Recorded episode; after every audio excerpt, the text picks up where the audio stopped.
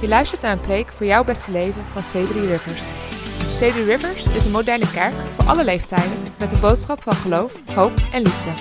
Maak je klaar om van God te horen en geniet van deze boodschap. Dingen.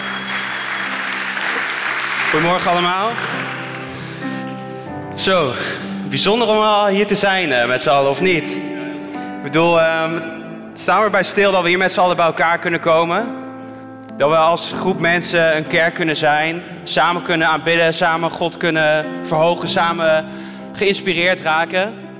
Bedoel, zo goed en ik denk dat het tof is om daarbij stil te staan. Hey, voor iedereen, we hebben het al gezegd, maar iedereen die hier is, welkom. Ook als je hier voor het eerst bent, ook als je meekijkt met de livestream.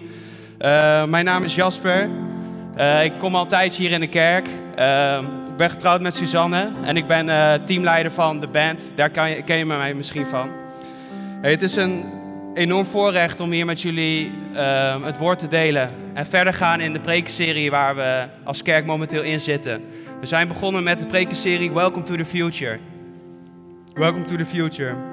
En dit is een serie waarbij we gaan leren hoe we naar de kerk van de toekomst kunnen gaan. Maar eigenlijk leren we in dit proces dat de kerk van de toekomst de kerk van het begin is. De kerk hoe die altijd bedoeld is en de kerk hoe die is ontstaan.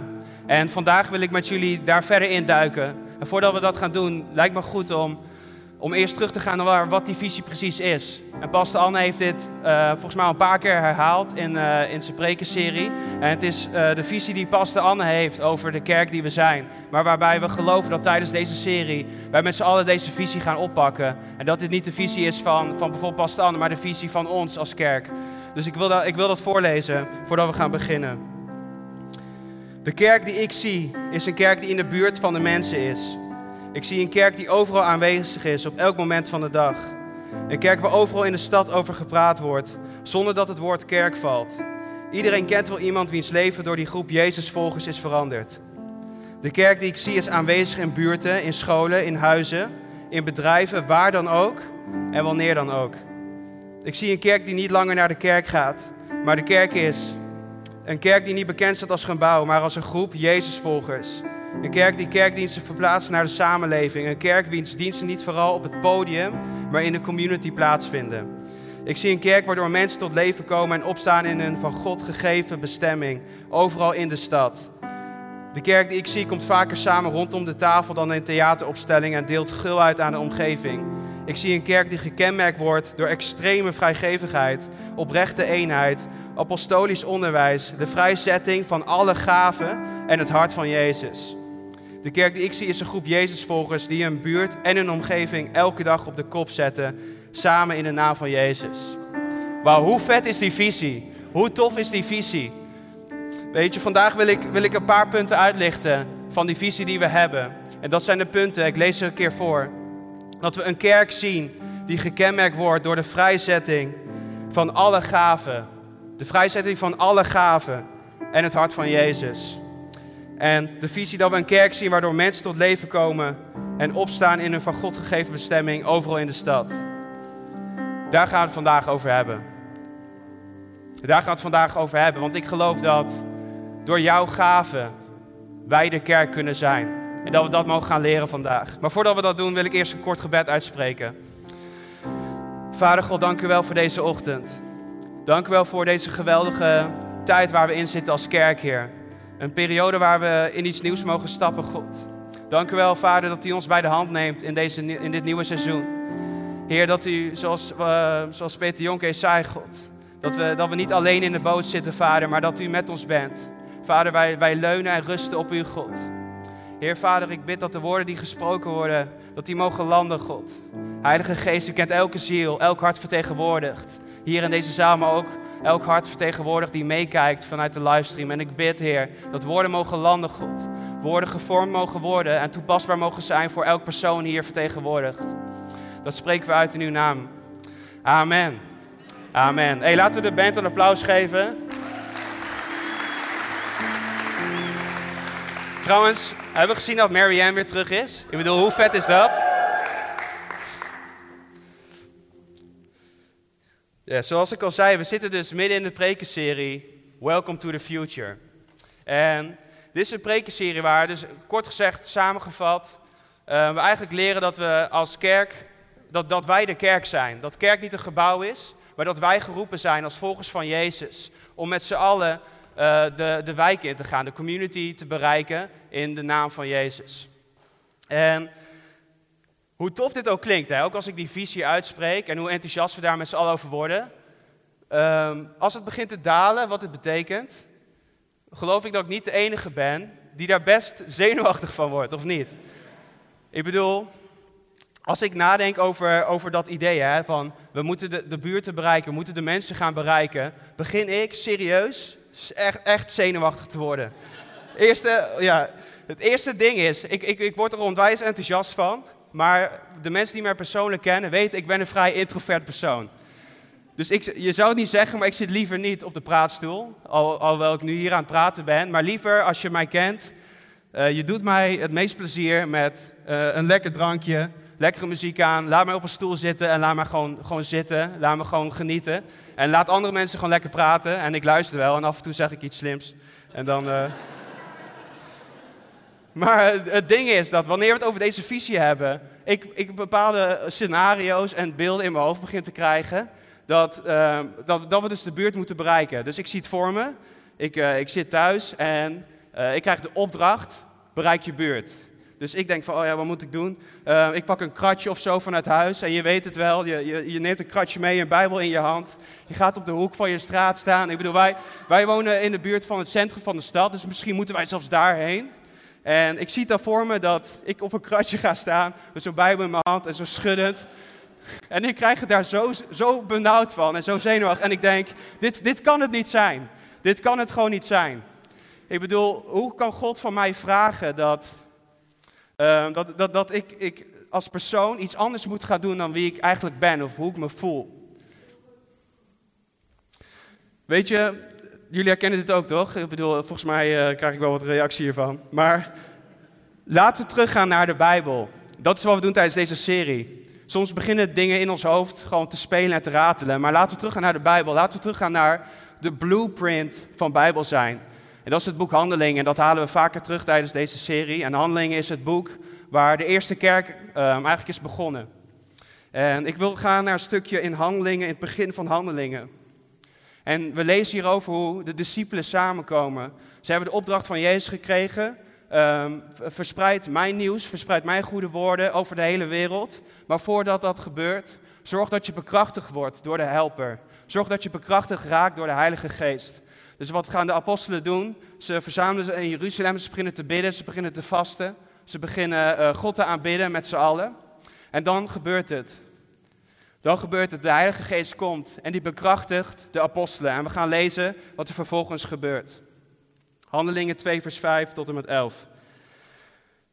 In Jeruzalem woonden godsdienstige Joden uit alle volken van de wereld. Dus even het scenario, ze waren in Jeruzalem, maar er waren allerlei culturen vertegenwoordigd op dat moment.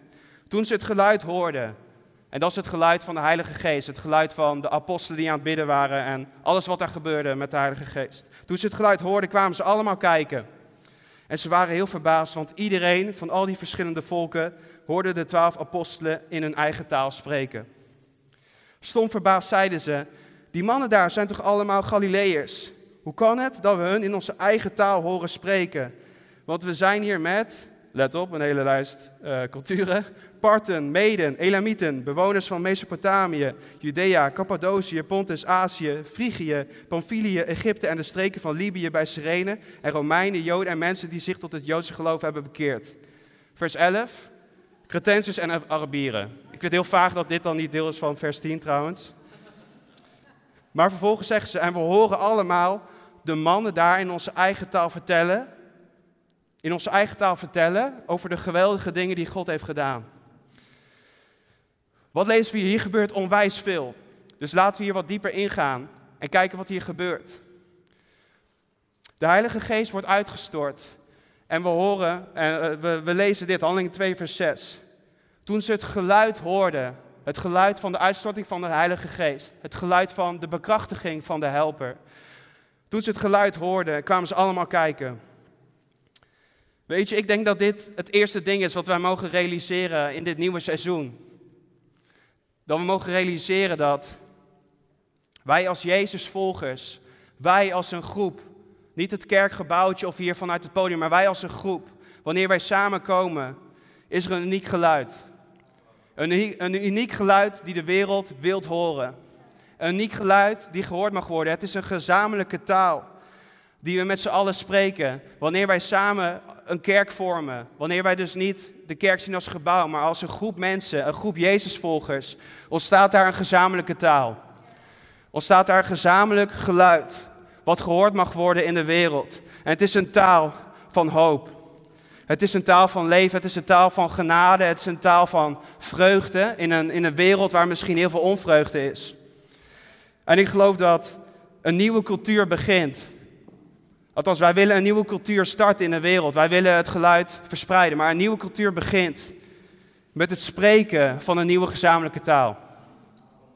Een nieuwe Jezuscultuur begint bij het brengen van een nieuw geluid. En ik geloof dat wanneer wij als, als kerk zijn, realiseren dat wij samen geroepen zijn om dit geluid te brengen in de wereld, dat er een nieuwe cultuur gaat ontstaan. De wereld heeft het nodig om Jezus te leren kennen. Laten we dat niet onderschatten. De wereld heeft het nodig om Jezus te leren kennen. Weet je wat ook tof is als we teruggaan naar Handelingen 2, vers 6? Er staat toen ze het geluid hoorden, kwamen ze allemaal kijken. Sta even stil. Toen ze het geluid hoorden, kwamen ze allemaal kijken. En wij maar denken dat de kerk een beetje een, een, een zijplaatsje heeft in de, in, in de wereld.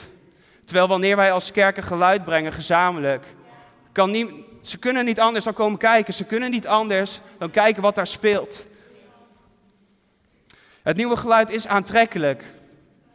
Het, het, het, woord wat wij brengen in de wereld, dus die woord van genade, van hoop, van leven, van liefde, is aantrekkelijk. Weet je, dit, dit, is, dit, is, dit is waar het hele seizoen over gaat. We hebben een aantrekkelijk geluid, alleen vervolgens moeten we er wat mee doen. En dat is essentieel. We hebben een nieuw geluid. Maar misschien hebben we te lange tijd dit geluid binnen deze, deze muren gehouden. En misschien wordt het tijd dat we, dat we dit geluid beginnen te vertalen.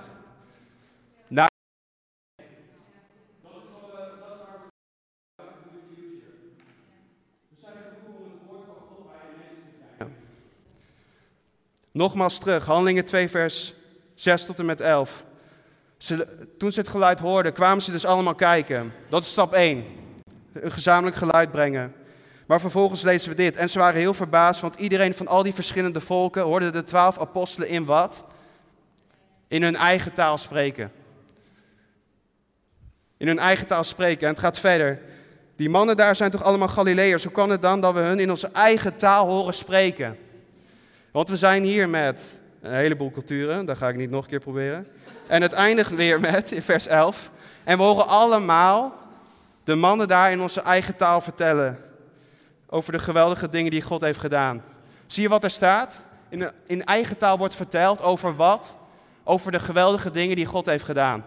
De geweldige dingen die God heeft gedaan is het geluid wat wij brengen. Dat is de taal die we met z'n allen spreken. Maar vervolgens is het aan ons om het te vertalen naar de mensen om ons heen. Om, om die woorden te vertalen in een soort andere taal. Een, een vervorming van dat geluid. Zodat het bij de mensen kan landen. Wanneer wij gevuld raken met de Heilige Geest, wanneer wij Zijn kracht ontvangen en gevuld raken met het nieuwe leven, geloof ik dat er een gezamenlijk nieuw geluid binnen ons ontstaat.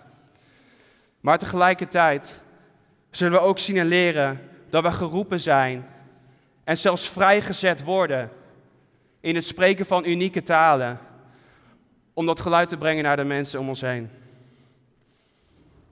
We mogen dus vooral leren dat wat we lezen hier is dat de Heilige Geest niet alleen het geluid teweeg brengt, maar er, gebeurt, er ontstaat een vrijzetting van.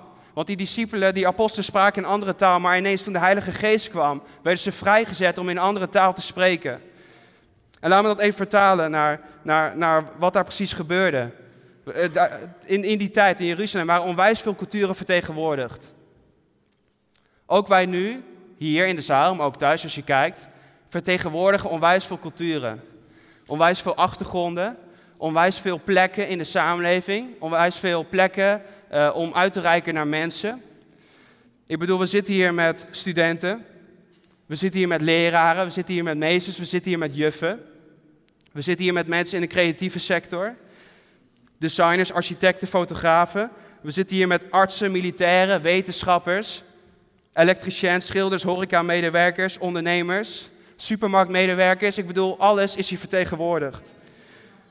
Wij als kerk mogen gaan zien dat wij uniek geluid teweeg brengen.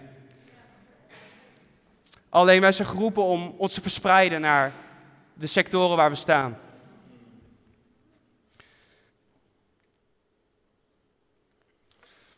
Laat me dit even een persoonlijk voorbeeld uitleggen. Ik denk dat dat goed is.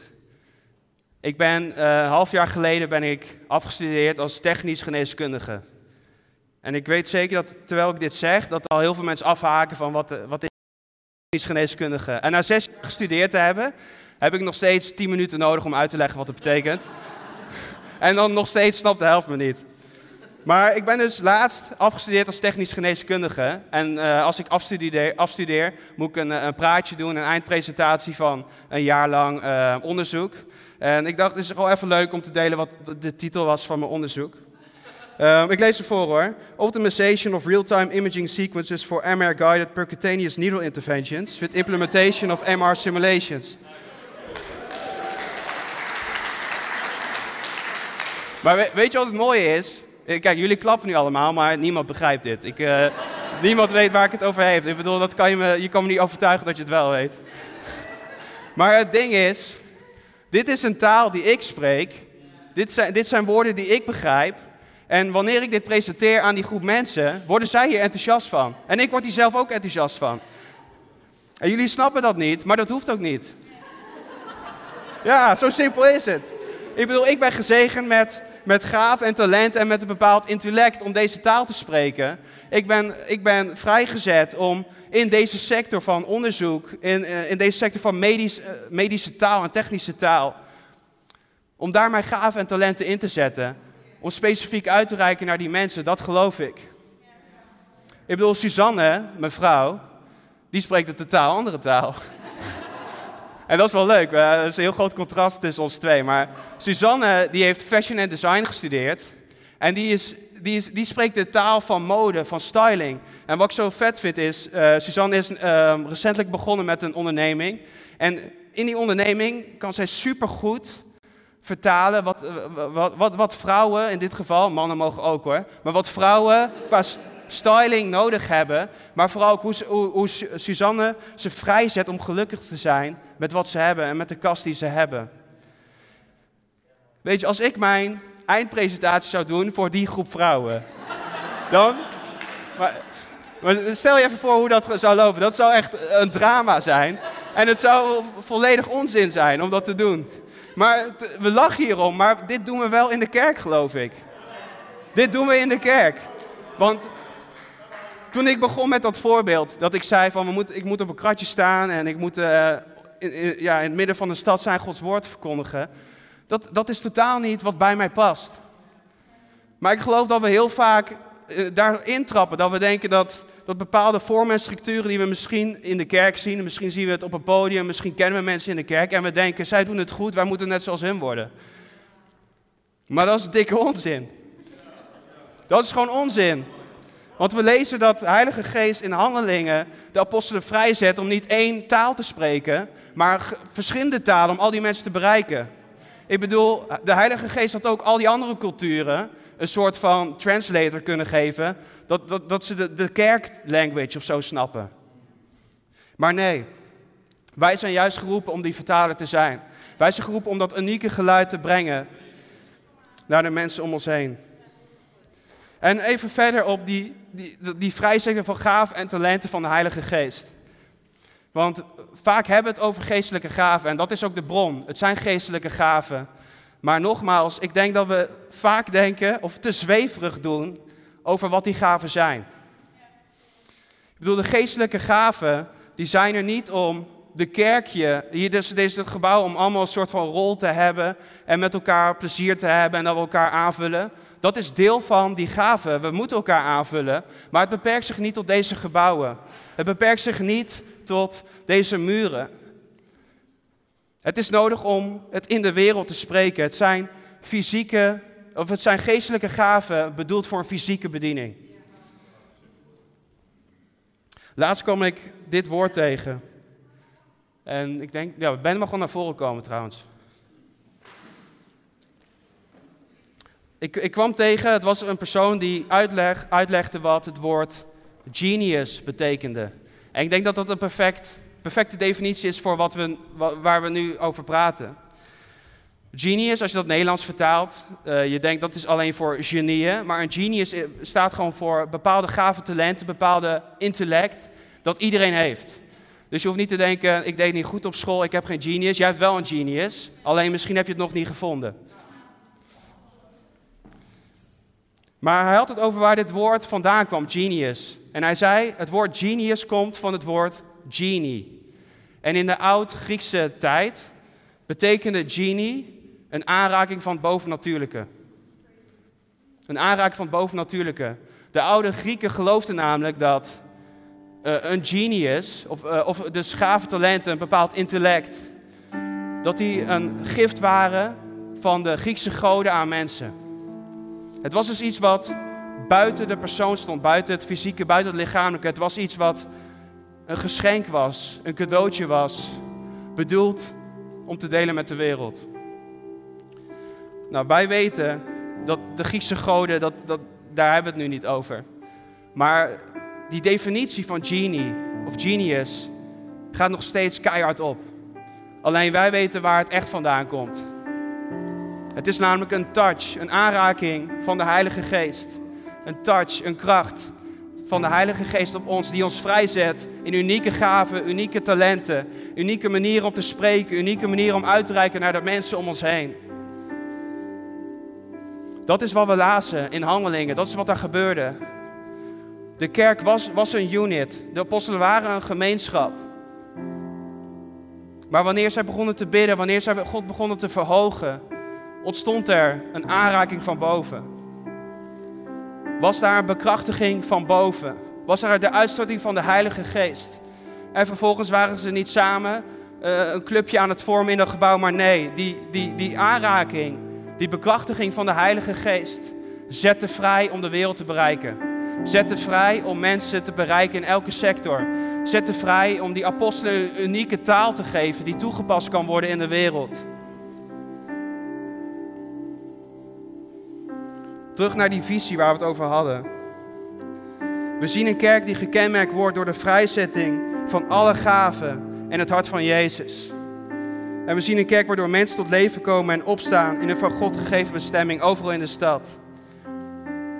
Waar dit dus op neerkomt, is dat ik geloof dat we met z'n allen eenzelfde taal spreken. Met z'n allen eenzelfde geluid hebben te brengen als volgers van Jezus. Een uniek geluid wat de wereld moet horen. Maar vervolgens is het de kracht van de Heilige Geest die ons vrijzet in onze gaven om uit te reiken naar jouw groep mensen. Dat betekent dus dat jouw gaven nodig zijn om samen de kerk te zijn in de wereld. De vraag is dus, waar liggen jouw gaven en talenten? Welke sectoren, waar, sta je in de wereld? Waar heb jij invloed? Wat zijn jouw mensen? Je hoeft je niet te conformeren. Je hoeft niet in een bepaald boxje te stappen om een, om een, om een christen te zijn. Het is echt die vrijzetting in jouw identiteit.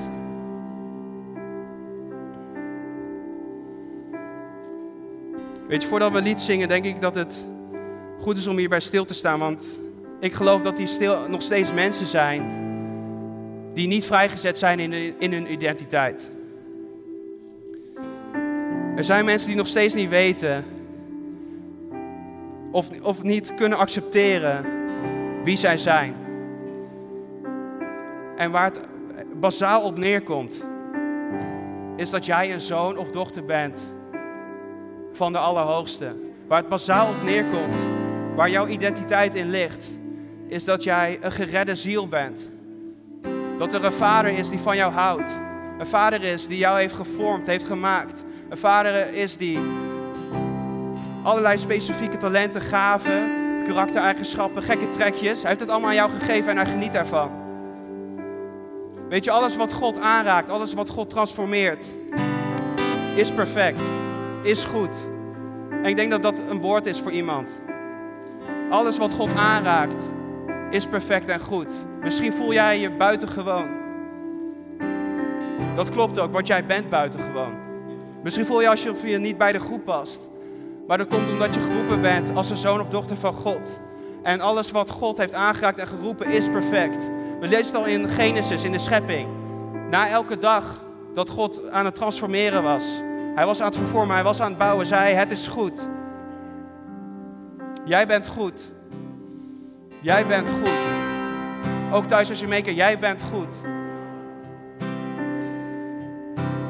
Weet je, we doen het elke dienst, maar ik wil graag een moment nemen om jou de keuze te geven. Of, of, of de, de, de kans te geven om te reageren op dat geweldige aanbod wat Jezus heeft gedaan.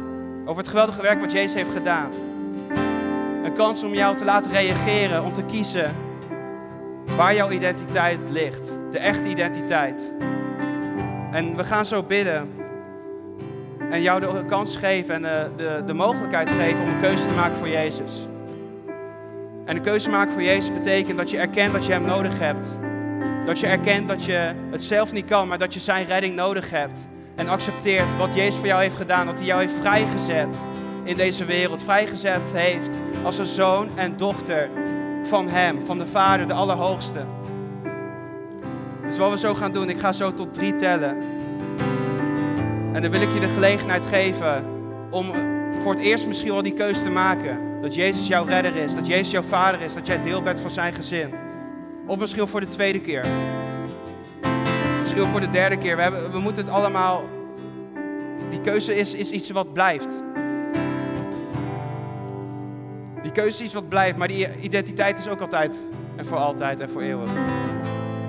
Dus ik ga zo tot drie tellen. En als je dan die keuze wil maken om voor het eerst Jezus te accepteren in je leven, of misschien voor, de, voor, voor, de, voor een meerdere keer, mag je hand in de lucht steken. En dat betekent dat je erkent dat Jezus jouw redder is. Dat Hij voor jou gestorven is aan het kruis. En dat je weet dat je niet meer zondig bent, dat Hij zijn prijs heeft betaald voor jou. Dus ik tel tot drie en dan mag je je hand in de lucht steken als je deze keuze wil maken. Ook thuis, als je meekijkt. Eén. Laten we trouwens als kerk bidden in dit moment. Twee. Drie. Als jij die keuze wil maken, steek dan nu je hand in de lucht. Dankjewel, ik zie jouw hand.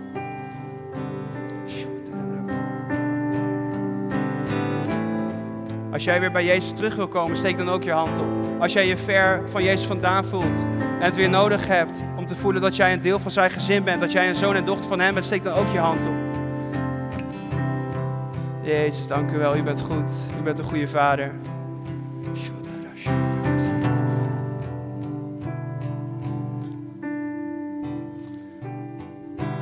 Jezus.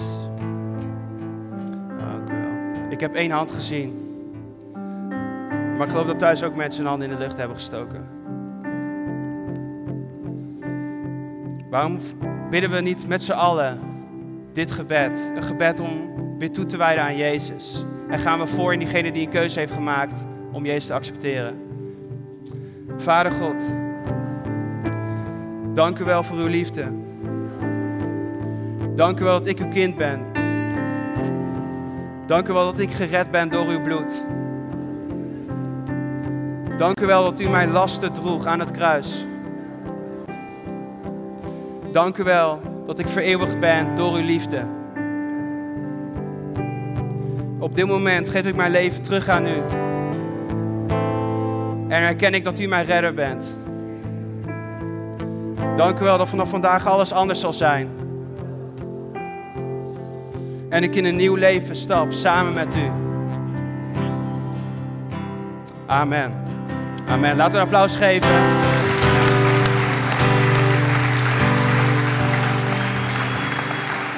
Hey, we gaan met z'n allen een lied zingen. En na dat lied kom ik nog terug om een kort gebed uit te spreken. Bedankt voor het luisteren. We horen graag hoe God aan het werk is in jouw leven door deze boodschap. Als je dit wilt delen, meer informatie wilt over onze kerk of onze ministry financieel wilt supporten, ga dan online naar cedryrivers.nl. We hopen van je te horen en zien je graag in een van onze kerkdiensten in Arnhem en Nijmegen.